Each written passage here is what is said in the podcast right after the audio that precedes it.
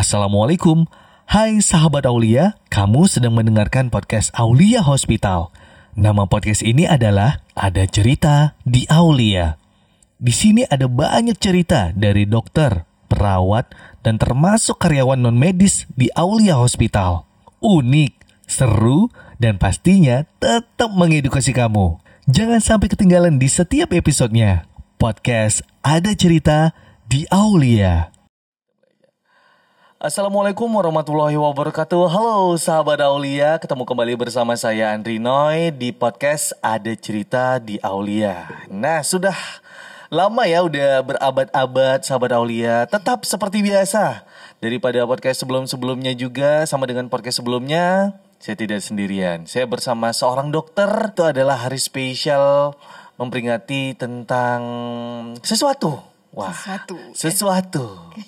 Siapa lagi kalau bukan dokter Salma Septiani. Halo dokter, selamat sore. Halo, Eh, ini sore sore. ya? Oh sorry dok, jam siang nah, Iya, mendekati ya siang. siang. Jam jam saya hilang dok Oh, jam kemarin. hilang ya. Curhat dulu ya. jadi Iya, iya. sahabat Saulia, jadi saat ini saya sedang bersama dokter Salma Septiani. Ini adalah dokter spesialis paru di Aulia Hospital. Jadi beliau ini adalah dokter spesialis paru yang sudah bergabung di Aulia dari tahun berapa nih dok? Eh, belum terlalu lama sih, masih Udah dari lama. Agustus. Agustus. Agustus, Agustus 2000 kemarin. tahun lalu. Tahun Ya, lalu. Belum tahun. genap setahun. Belum genap setahun, sebentar lagi setahun Sebentar lagi ya. ulang Sebentar tahun. lagi setahun. benar benar. Jadi sebenarnya ada acara apa sih dok? Kita buka sedikit ini. Ya. Kita memperingati hari apa sih sebenarnya nah, gitu? Ini tanggal 24 Maret Mhm, 2023 ini. Sebenarnya tiap tahun tanggal eh, tiap 24 Maret itu adalah kita memperingati hari TBC sedunia atau Oh. eh, tuberkulosis sedunia Tuberkulosis gitu. Jadi, sedunia. Iya, benar. Jadi Oke. hari TBC sedunia, sedunia gitu. Mm-mm.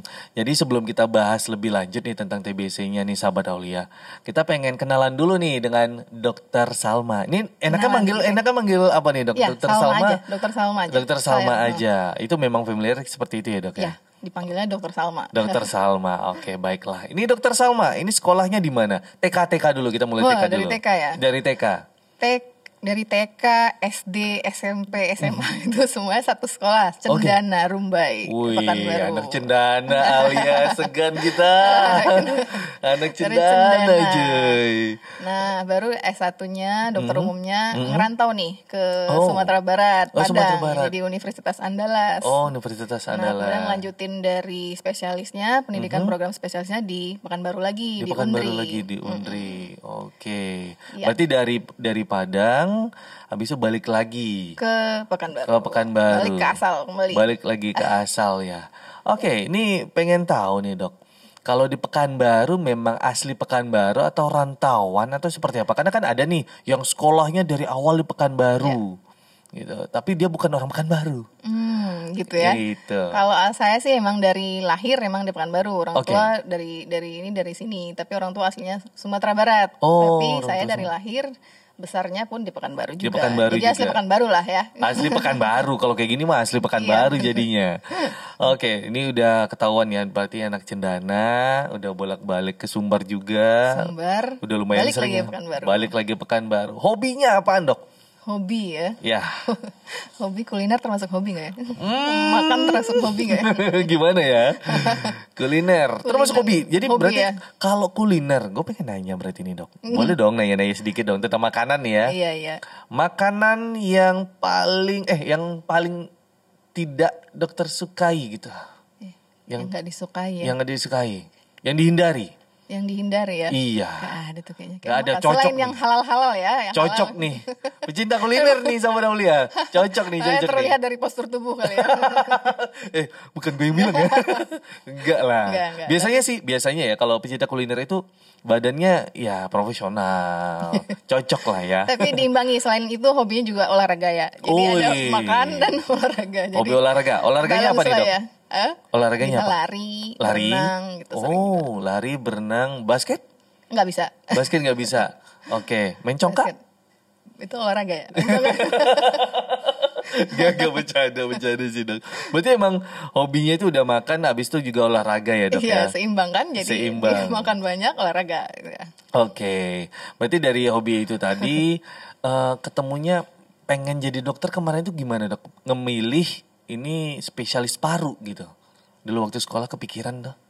Kenapa? paru ya. Iya. Kalau paru memang dari dulu memang minatnya ke spesialis paru karena Oh. memang ke- yang pertama kali sih kebetulan orang tua penderita penyakit paru juga. Jadi tuh pengen tuh Hmm. eh, anak sendiri pengen ngobatin bapaknya sendiri nih. Oh, satu lagi iya. satu lagi yang paling penting tuh karena paru itu organ vital kita untuk bernafas. Kita bernafas dari paru kan. Nah, itu dari situ saya pikirannya untuk eh, tertariknya tuh dari awalnya untuk mengambil paru tuh itu. Oke. Gitu. Itu memang dari kecil ya dok ya. Ya, dari cita-cita dari kecil Pak dokter, dokter. Dokter, Eh, dokter terus ya. kemudian jadi eh, spesialis paru ya. Salah satu alasannya itu Oke. gitu Mas Noy. Saya kira dokter spesialis paru suka makan paru dok. Aduh. Soto paru. Soto paru ya. eh jangan, kita lagi puasa. Oh, puasa ya. Ya Allah mancing apa-apa, buat aja. berbuka nanti. Oh berbuka, nanti untuk berbuka ya sahabat Aulia. Oke nih dokter, ini pengen berbicara tentang TBC ya. Ya. Ini jujur nih dok, Eh, Nah juga sebenarnya sih belum terlalu tahu dengan TBC dan menganggap ini ya, ini orang awam banget nih, menganggap ini TBC ham- eh, kayak sama gitu dengan yang kata orang di luar itu kayak muntaber dan segala macam gitu. Dan itu berbeda ya dok ya. Beda. Oke. Kalau TBC ini kan yang jelas dia pernah penyakit paru, penyakit saluran pernafasan, penyakit saluran pernafasan yang dia infeksi dia sifatnya dan dia menular. Oh. menular dia. Penyebabnya apa? Ya pertama yang penyebabnya adalah kuman atau bakteri yang kita sebut dengan Mycobacterium tuberculosis gitu. Oh. kalau muntaber kan ya muntah berakan Wah. kalau panjangan itu. Jadi ini kalau organnya adalah yang dikenai paru Oh gitu. Gitu. kan eh, tapi TBC ini nggak hanya serta merta hanya paru yang dikenai eh, organnya. Ada juga namanya TBC selain dari paru ada TBC dari kelenjar limfe kemudian dari TBC kulit juga ada. Saluran pencernaan juga ada. Sampai bahkan ke otak ataupun tulang juga ada yang namanya TBC gitu. Jadi dia menyerang semua organ gitu. Oh berarti tapi bukan yang cuma terbanyak paru. ya tapi yang terbanyak yang paling sering kasusnya adalah paru Oh gitu. Berarti berbeda nih sahabat Aulia. Kayaknya gua aja nggak tahu nih. Iya. kita perkenalan kita dulu nih. biar tahu ya. Iya, perkenalan dulu nih dengan TBC. Berarti TBC ini bukan berarti dari yang penyakit tadi beda ya, Dok ya? Berbeda ya? Berbeda, Berbeda. dia yang jelas adalah penyakit infeksi pernafasan yang menular. Penyebabnya tadi yang bak Mycobacterium tuberculosis nama Oke. kumannya atau bakterinya gitu. bakterinya. Nah, pen- cara penularannya seperti itu ya, Dok ya. Berarti kalau penyebabnya tadi itu biasanya apakah dari makanan? Itu kan dari udara ya. Biasanya orang pertama kali terkena itu dari mana?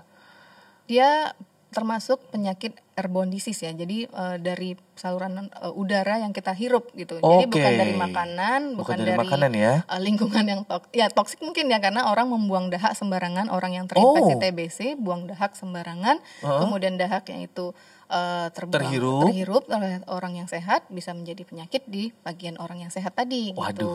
gitu. Jadi, Jadi- dia sumbernya adalah eh, dari percik renik dahak Hmm. ataupun eh, yang terhirup ke dalam eh, saluran pernafasan kita gitu. Oh, Bukan dari gitu. makanan. Bukan dari makanan ya, Dok ya? Enggak, makanan sih nggak ada penyebab dari TBC gitu. Oh gitu. Oke berarti memang dari infeksinya dari udara ya dok ya. Udara yang mengandung eh, kuman atau bakteri Mycobacterium tuberculosis tadi gitu. Oke. Itu cara penularannya gitu. Jadi kayak orang ada yang ngeludah sembarang. Nah, iya ngeludah Dia sembarang. terinfeksi nih. Dia lagi sakit TBC nih, Ah, atau TB nih, Nah, terus dia ngeludah dahaknya sembarang yang eh, notabene eh, dahaknya itu aktif dari kuman TBC tadi. Oh. Kemudian diterbangkan angin, kemudian terhirup sama kita nih, terhirup. Nah, masuklah dia. Tapi nggak semua orang yang terhirup terpajan oleh kuman TBC tadi serta merta mempunyai atau menjadi penyakit TBC. gitu. Karena apa ya? Kita dikasih sama Allah atau Tuhan kita semuanya pasti ada daya tahan tubuh, sistem imun kita. Jadi bisa apa-apa yang masuk ke dalam tubuh kita pasti ditangkis dulu oleh eh, sistem imun kita. Nah, itu dia tadi tidak serta-merta semua kuman TBC tadi menjadi penyakit ke dalam tubuh kita. Nah, siapa saja yang bisa jadi menjadi jatuh ke sakit TBC tadi gitu. Nah, itu dia tadi ya salah satu dari paparan orang yang terinfeksi tadi satu, terus ada individunya nih, individunya mungkin dalam keadaan kondisi-kondisi tertentu seperti eh, keadaan yang malnutrisi ataupun dengan eh, kondisi yang memang sistem imun yang terganggu seperti HIV itu gampang sekali. Karena dia tidak bisa mem- memakan kuman TBC yang harusnya dia memang eh, punya sistem kekebalan seperti itu. Oke, gitu. kekebalannya udah lemah ya dok ya di sana ya. Mm-mm. Oke, ternyata seperti itu. Jadi nggak semua nih Mas Noy eh, Iya. yang udah pen- terhirup nih kita Oh, oh. karena kuman TBC banyak sekali gitu di mana-mana ada gitu. Kita terhirup tapi kita pasti akan ada daya tahan tubuh kita untuk memakan nih, memfagosit nih dari eh, dari sumber kuman tadi gitu. Oke. Gitu. Makanya kita juga sebenarnya sih dok balik lagi kalau misalnya ini orang Mm-mm. itu terkena TB paru, Mm. ciri-cirinya seperti apa gitu? Ya. Apakah dia tidak sadar atau malah ada yang kata orang nih, lu batuk-batuk tiap hari nggak sembuh-sembuh, lu TBC ya gitu? Iya, nah itu gimana nih dok? Karena kan banyak kan batuk-batuk apalagi sekarang Oh. nih musim eh, panas gini ya. Jadi eh, batuk-batuk yang dikatakan TBC yang kita curiga ke gejala TBC itu pertama adalah batuk lebih dari dua minggu.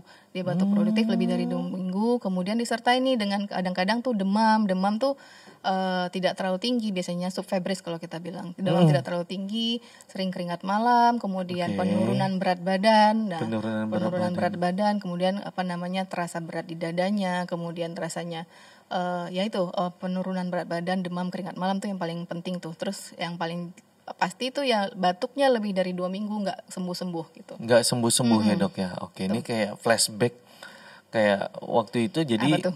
kebetulan gue kemarin waktu itu ada dapat batuk juga sih dok. Eh, sebelum ulang tahun Aulia sebelumnya. Ini gitu. curhat sedikit ya sama Aulia. Curhat Iya, sedikit. jadi eh, sempat itu batuknya malah sampai berapa minggu gitu lebih dari sebulan kalau nggak salah. Sampai di sini tuh rasanya kayak udah luka gitu. Radang gitu ya. Ya, kayak radang luka gitu. Jadi kayak ngomong itu kayak ada terluka gitu dia. Bukan di sini, dok, tapi di sini. itu hati ya. Itu hati. Beda. Sakit hati beda. Jadi di sini udah kayak aduh, rasanya gitu. Terus teman-teman juga banyak pada bilang, "Bang, periksalah, periksalah. Kayaknya Abang TB, TB tuh, TB gitu tuh, ya. TB tuh gitu." Nah, jadi curiga kayak iya, iya nggak sih, iya Ya. nggak sih. Tapi belum ada ngecek nih, Dok. Iya benar. Belum ada ngecek, malah takut. Terus hilang sendiri gitu. malah takut sampai akhirnya udah nerapin ada teman yang nerapin kalau radang kayak gitu jangan minum yang aneh-aneh coba minum air putih istirahat yang cukup minum obat mungkin ya seperlunya gitu secukupnya aja gitu jadi kayak ya hilang sendirinya Hilang sendiri ya. hilang Ya, sendirinya itu. tapi kalau untuk bagian yang kayak ada dahak bercampur darah dan sesak nafas kayaknya Ya. nggak ada C- tapi batuknya itu lama Hmm. malah orang eh, masyarakat nganggapnya itu kayak ini udah TB dia nih ini udah TB gitu Iya, memang kalau dari masyarakat mimik orang sakit TB itu gimana gitu ya. Misal harus diisolasi, dan harus dikucilkan gitu kan. Sebenarnya tidak gitu ya. Tapi Oke. yang penting kita tahu gejalanya apa. Yang pertama yang itu tadi secara Hmm. klinis kita ngelihat orangnya itu tadi batuknya lebih dari dua minggu, Oke. Hmm. berat badan, demam, keringat malam. Kemudian kadang-kadang yang udah berat itu batuknya bercampur darah gitu, Oh. batuk darah. Terus ya eh, diikuti dengan pemeriksaan dahaknya harusnya kita Hmm. periksa pemeriksaan dahaknya dan kemudian atau nama pemeriksaannya bakteriologis. Kemudian Hmm. ada lagi pemeriksaan yang lebih eh, ini lagi secara radiologis. Kita lihat foto ronsennya atau foto toraksnya Hmm. Oh, kalau foto toraksnya. bahasa medisnya. Jadi jika eh, kesemuanya mendukung, itu Hmm. secara klinis juga mendukung, ya berarti memang TBC. berarti emang Makanya Mas TBC Noy nggak sampai cek dahak dan enggak Foto sampai cek ronsen dah. ya? Foto ronsen enggak sampai. Tapi direkomendasiin coba cek bang. Pada khawatir kan. Iya. Apalagi klien-klien yang ngelihat bang Noy ini batuk-batuk terus nih. bang bahaya nih bang gitu. Walau udah pakai masker terus mau pakai masker. Ya, Kayak ya memang gitu. yang paling penting sih eh, etika batuk dan bersin ya. Kita harus Ya. menjaga itu. Dia namanya penyakitnya menular. Jadi Iya. kita harus etika batuk dan bersin harus dijaga memang gitu. Oh gitu. Gitu. Sudah mulai jelas kelihatan ini TB ini seperti apa. Nanti kalau nyampe rumah kasih tahu mama lagi ya. Ya, benar. Harus dikasih tahu juga nih anak-anak atau orang dewasa yang kena nih dok biasanya. Eh, TB tidak mengenal sem- dia semua usia bisa, terutama semua usia? ya produktif usia produktif terutama ya. Terus anak-anak juga ada yang TBC. Orang tua pun bisa ada yang TBC. Oh. Dan tidak mengenal dia eh, profesor misalnya gitu.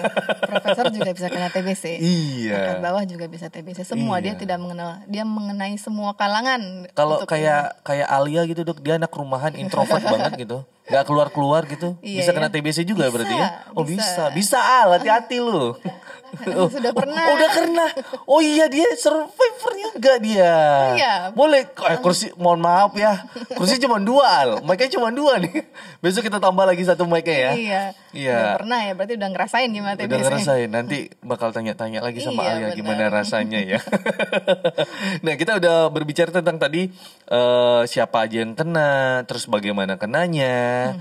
terus ini yang mau ditanyain pencegahannya nih dok. Ini Iya. sebenarnya seperti apa sih? Kalau misal udara, berarti kan serba takut nih gitu kayak, aduh itu orangnya suka ngeludan sembarang nih, Hmm. aduh ini gini-gini gitu. Jadi parno nih. Jadi pencegahannya seperti apa gitu?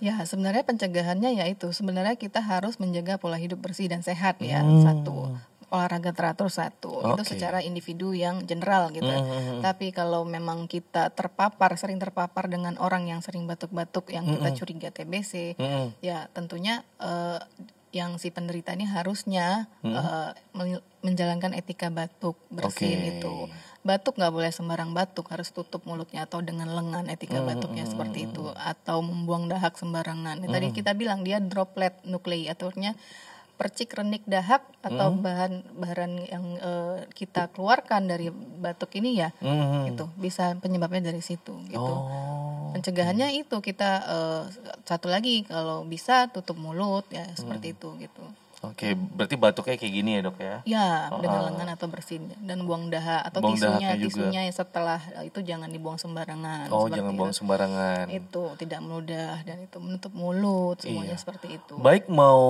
maupun kita udah kena TB ataupun Hmm. bukan kena TB juga harus menerapkan seperti itu ya dok ya? ya betul apalagi kalau udah terkena TBC jadi dia Oh. eh, berpotensi untuk menginfeksi orang lain gitu gitu Oke. Apakah sama kayak COVID-19 dok yang di mana kayak kalau itu kan dari droplet itu, ini kan dari sentuhan tangan misalnya.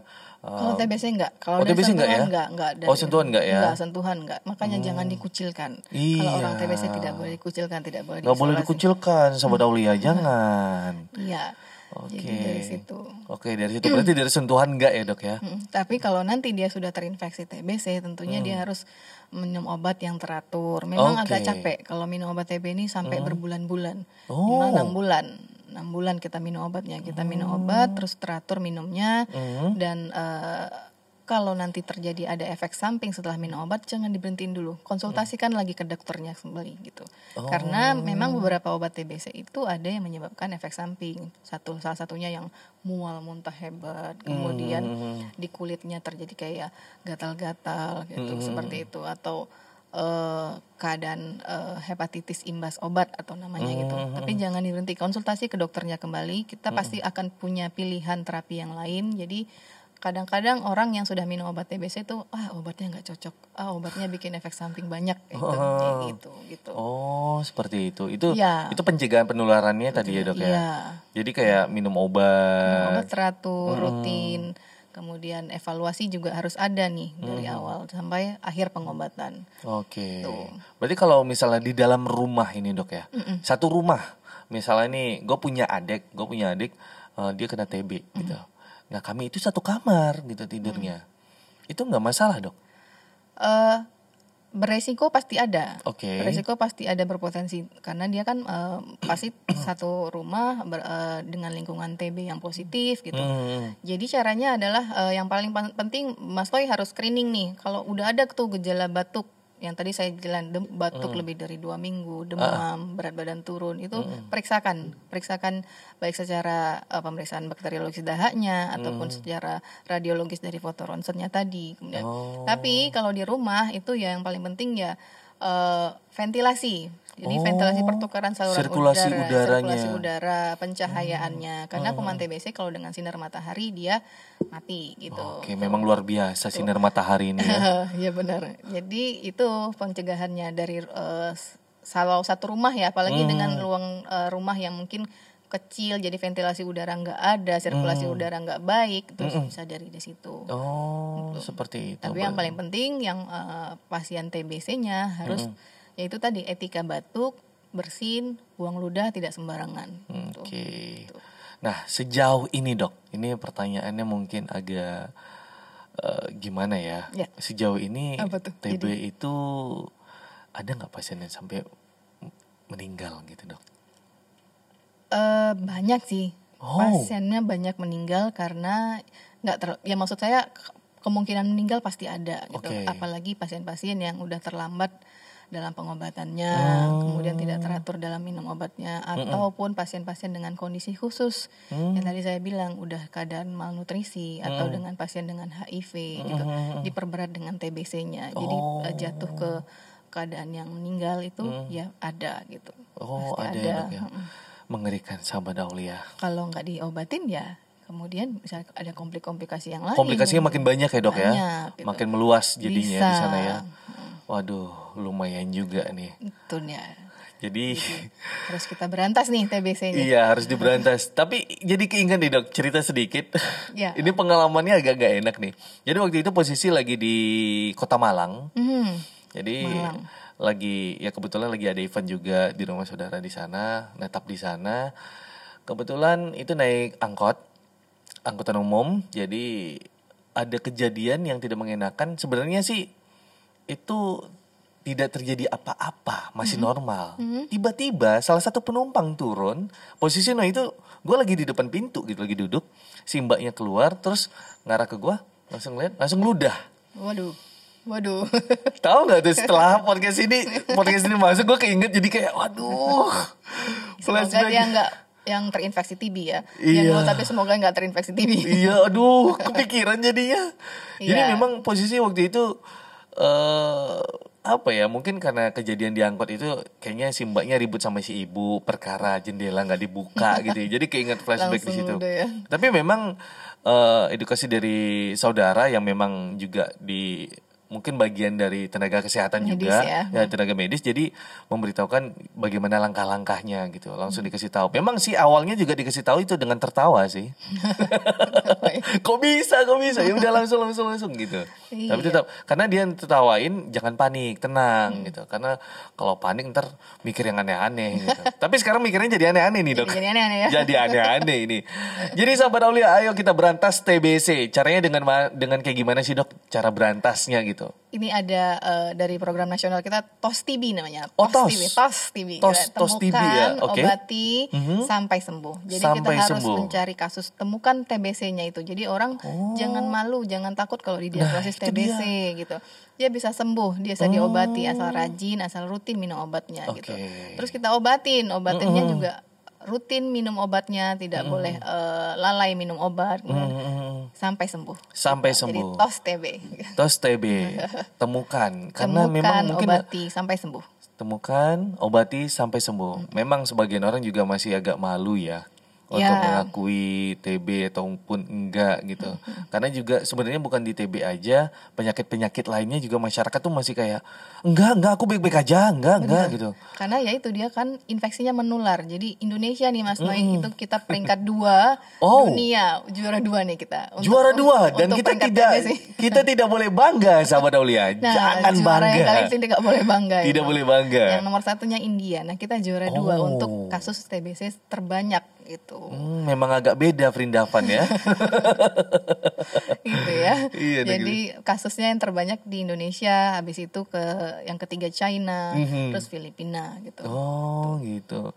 Nomor dua di Indonesia kita bisa nih Di dunia. peringkat di dunia. Dunia, di Indonesia, Iya, nomor, nomor dua, di dua. dunia. kita bisa turun ke peringkat kalau bisa nggak ada sama sekali sih. Sem- Semoga nggak pengen juara satu ya. Jangan, Jangan tidak ya. boleh, tidak boleh sahabat Aulia karena itu lumayan cukup mengerikan. Tapi pernah nggak sih dok ada yang dia itu tadi kan dokter bilang harus rutin minum obatnya. Iya. Pernah nggak sih dia itu sampai nggak sembuh sembuh gitu dok gitu? Eh, Iya. Eh, banyak yang nggak sembuh-sembuh tuh, tapi Oh. eh, dengan berbagai alasan satunya Mas Noy. Hmm. Eh, satu ya dia nggak minum obat teratur.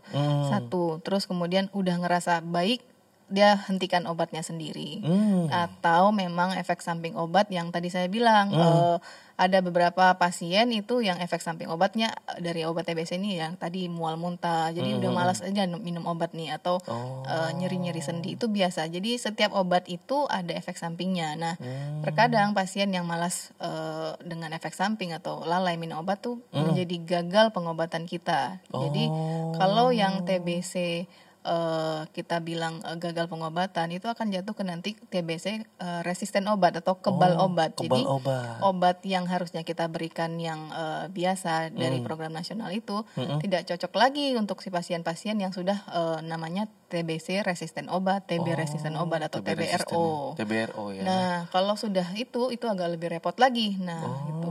Itu gimana dok kalau nggak ada dia udah kebal obat gitu? Itu bagaimana? kita cari tahu resistennya dengan apa gitu. Hmm, Jadi nanti kita gitu. obati sesuai dengan ada pemeriksaan lanjutan nanti kulturnya, biarkan Mm, atau pemeriksaan LPA-nya gitu. Mm, Dan kalau untuk di Pekanbaru Riau nih khususnya kita untuk kasus-kasus TBRO gitu kita rujuk ke RSUD Arifin Ahmad. Oh gitu. gitu.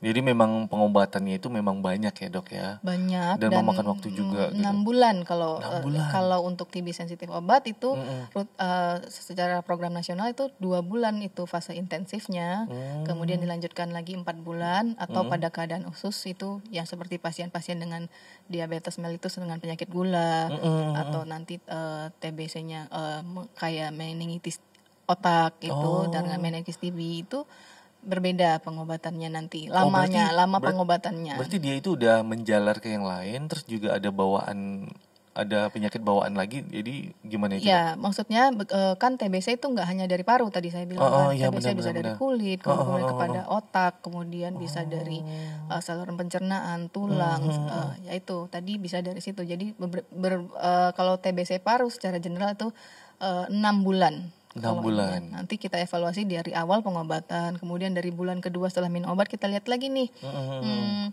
obatnya respon nggak gitu. Atau dahaknya tadi positif dari pemeriksaan biak- bakteriologis udah negatif belum? Nah kalau udah konversi dari positif ke negatif kita lanjutkan obatnya. Sampai Oke. nanti di akhir pengobatan kita tetap melihat kembali ada eh, udah selesai minum obat kita evaluasi kembali gitu. Oke, Sudah dipantau terus ya, Dok, ya? ya benar. Oke, ini mungkin kalau selama pengobatan nih dok, selama pengobatan itu apakah boleh melakukan aktivitas sehari-hari atau hanya di Ya. kamar atau bagaimana itu dok? Ah, justru bagus melakukan aktivitas. Ber- orang TBC beraktivitas seperti biasa aja. Art- Oke. yang eh, artinya yang tidak gejala klinisnya makin berat ya, sesak Hmm, nafas hmm, hmm, terlalu hebat itu ya itu nggak boleh beraktivitas fisik biasa Ya lah gitu. bisa dok. iya, jadi justru eh, orang-orang TBC itu harus kita eh, ajarkan atau edukasi untuk berolahraga, aktivitas seperti biasa, pola hidup bersih dan sehat, makan teratur seperti itu. Hindari Oke. rokok. Hindari itu. rokok, ya. Salah Gua- satunya situ. Gue nggak ngerokok sih dok. Nggak ngerokok ya, bagus ngerokok. dong. Hidup sehat. Hidup sehat ya. Hidup sehat. Olahraga sering nggak? Olahraga teratur nggak? Eh, iya sih boleh kita coba nanti boleh, kita. boleh ya.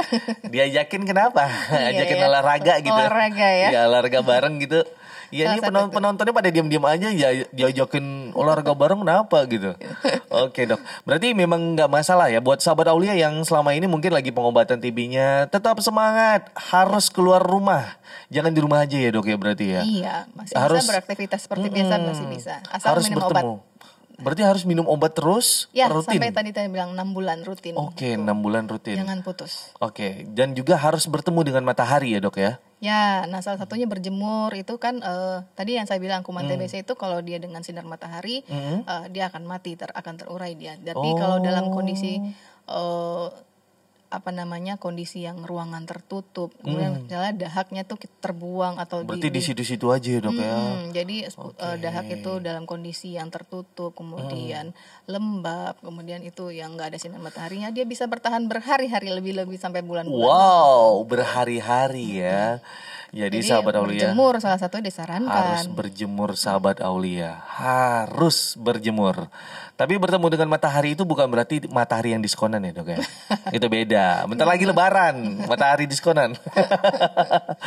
Jadi kita udah ngomong nih, Dok, dari awal sampai akhir tentang TB paru. Nah, ini ada beberapa pertanyaan yang sudah saya rangkum. Ini dari beberapa sumber sih, Dok. Ya. Nah, pertanyaan yang pertama, Oke. Kalau penyebab dari TB tadi udah kita bahas ya dok ya, udah iya. kita bahas, mungkin bisa di flashback lagi ke belakang. Nah, berapa lama kuman TBC itu bertahan di udara? Ini tadi belum Oh iya, belum belum ada nih dok. Iya, itu berapa, lama, dok? Ya Nah, itu tadi kalau di udara bebas, udara terbuka itu dia bisa bertahan 1 sampai 2 jam. Oh, Tapi dengan kondisi tertentu yang tadi saya bilang kalau dia di ruangan tertutup, kemudian lembab suhu udaranya, kemudian tidak terkena sinar matahari, dia bisa berhari-hari hingga ber satu bulan lebih juga bisa. Gitu. oke. Itu bertahannya ya. Kalau misal sirkulasi udaranya buruk, berarti dia bisa bertahan lama ya dok ya? Ya, jadi eh, lebih eh, kebal ya. Oke. bisa.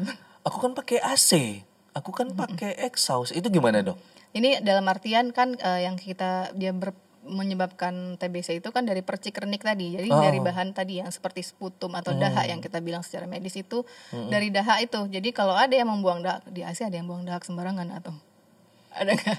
Atau dari udara batuk-batuk ya dia bisa bertahan 1 sampai 2 jam di udara. Biasanya nih kalau misal lagi di coffee shop gitu kan, ruangan AC gitu, batuk, jerap Sembarangan gitu, batuk, langsung. ya, itu dia dia. pakai pakai memang pakai tisu sih dok, cuman diletakin gitu sembarangan gitu aja gitu. Ya, terhirup ang- ter- tiup angin terhirup sama orang lain ya udah. Hmm, gitu. Tapi lebih baiknya kalau misalnya batuk, sahabat Aulia di rumah aja. Kondisi tubuh memang lagi nggak fit, mending di rumah aja ya dok ya. Kalau lagi nggak fit, jangan keluar keluar, apalagi ke tempat umum ya dok ya. Ya, tapi- Olahraga pasti. Benar. Kalaupun butuh kegiatan di luar tadi jaga etika batuknya gitu. Pasti harus wajib itu. Iya. Oke, pertanyaan berikutnya. Apa yang akan terjadi apabila penyakit TBC tidak diobati, Dok? Nah, Ya tentunya dia ini kan penyakit infeksi. Infeksi kalau Hmm. tidak diobati dia akan menjadi lebih berat sampai menimbulkan komplikasi-komplikasi. Hmm. Contohnya kalau untuk eh, di paru khususnya itu dia nanti sampai bisa menyebabkan ada akumulasi cairan di paru sampai namanya atau efusi pleura gitu. Hmm. Kemudian ya kalau sudah ada cairan yang harusnya tidak ada di dalam paru pasti akan menyebabkan sesak nafas dan Hmm. komplikasi-komplikasi yang lain sampai seperti cairan seperti yang namanya kayak seperti nanah itu atau kita Hmm. bilang pus atau namanya hmm, kalau dalam bahasa medisnya pneumo apa emphysema gitu itu yang menyebabkan komplikasinya. Jadi kalau sampai kita tidak eh, menye- menyembuhkan atau tidak mengobati tentu kan ada komplikasi infeksi yang lain. Jadi memperberat infeksinya gitu. Sampai nanti bisa sampai kematian gitu. Oh, mengerikan nih sahabat Aulia. Jadi penyakit TB ini tidak bisa dianggap remeh meskipun batuk-batuk ya dok ya. Iya. Itu gejala utamanya ya dok ya. batuk lebih dari dua minggu Batuk lebih dari dua minggu. kadang-kadang yang berat dengan batuk darah Hmm, gitu. Oke, selanjutnya ini dok, ada pertanyaannya, apakah penyakit TBC diwariskan secara genetik? Ayo. Penyakit keturunan berarti ya Iya. Tidak. Karena dia Oh. tadi saya, saya bilang tadi per definisi dia adalah penyakit menular. Dia Oh. ditularkan dari eh, saluran pernafasan dari udara yang eh, udara bebas itu yang disebutkan oleh bakteri. Bakterinya apa? Yaitu tadi Mycobacterium tuberculosis. Jadi bukan penyakit turunan. Namun mungkin masyarakat nih nggak eh, ibunya TBC ya, anaknya juga TBC ya. Itu tadi maksudnya dia akan ber, eh, menyebabkan infeksi dalam satu rumah itu ya kalau nggak tahu eh, etika batuknya, tidak menjaga sirkulasi udara, ventilasi ya dia akan rentan karena terpapar terus sama orang yang terinfeksi TBC. Jadi bukan wari apa bukan turunan atau diwariskan atau itu bukan. Dia murni adalah penyakit infeksi menular. Hmm, Malah tetangganya bilangin, iya kamu diwariskan dari mama kamu itu nak. Terus anaknya juga, iya ini warisan dari mamaku. ya jangan dibanggain juga, Warisannya diobatin. penyakit ya. Iya, di- jangan dibanggain juga, diobatin dong Iya. gitu. Jadi sahabat Aulia itu bukan eh, diwariskan secara genetik ya dok ya. Tidak, dia tidak secara genetik, Oke. dia murni penyakit infeksi yang menular dari Oke, bakteri. Dari bakteri ya. Apakah ini kiriman-kiriman dari Magic Magic? Wow, ada juga tuh penyakit kiriman Gimana? guna-guna katanya. Iya. Ya enggak, dia memang penyakit infeksi. Oh, TBC gitu. murni penyakit infeksi menular. Jadi nggak ada penyakit karena keturunan, kemudian Diguna-guna. guna itu nggak ada. Itu Iya. eh, stigma masyarakat kali Stigma ya. masyarakat ya, Dok, ya. Nah itu dia. Tapi mungkin dalam satu keluarga ada yang, ya tadi saya bilang ibunya TBC, anaknya TBC. Nah semua rumah TBC ya itu tadi karena tidak eh, di screening dari awalnya, tidak menjaga pola hidup bersih sehat, kemudian Mm. tidak ada etika batuknya. Nah itu udah satu lagi kondisi-kondisi khusus mungkin memang keadaan dengan sosioekonomi yang rendah, ventilasi rumah yang tidak baik gitu. Iya iya sirkulasi udaranya juga kurang gitu ya dok ya. Iya. Oke sudah cukup jelas.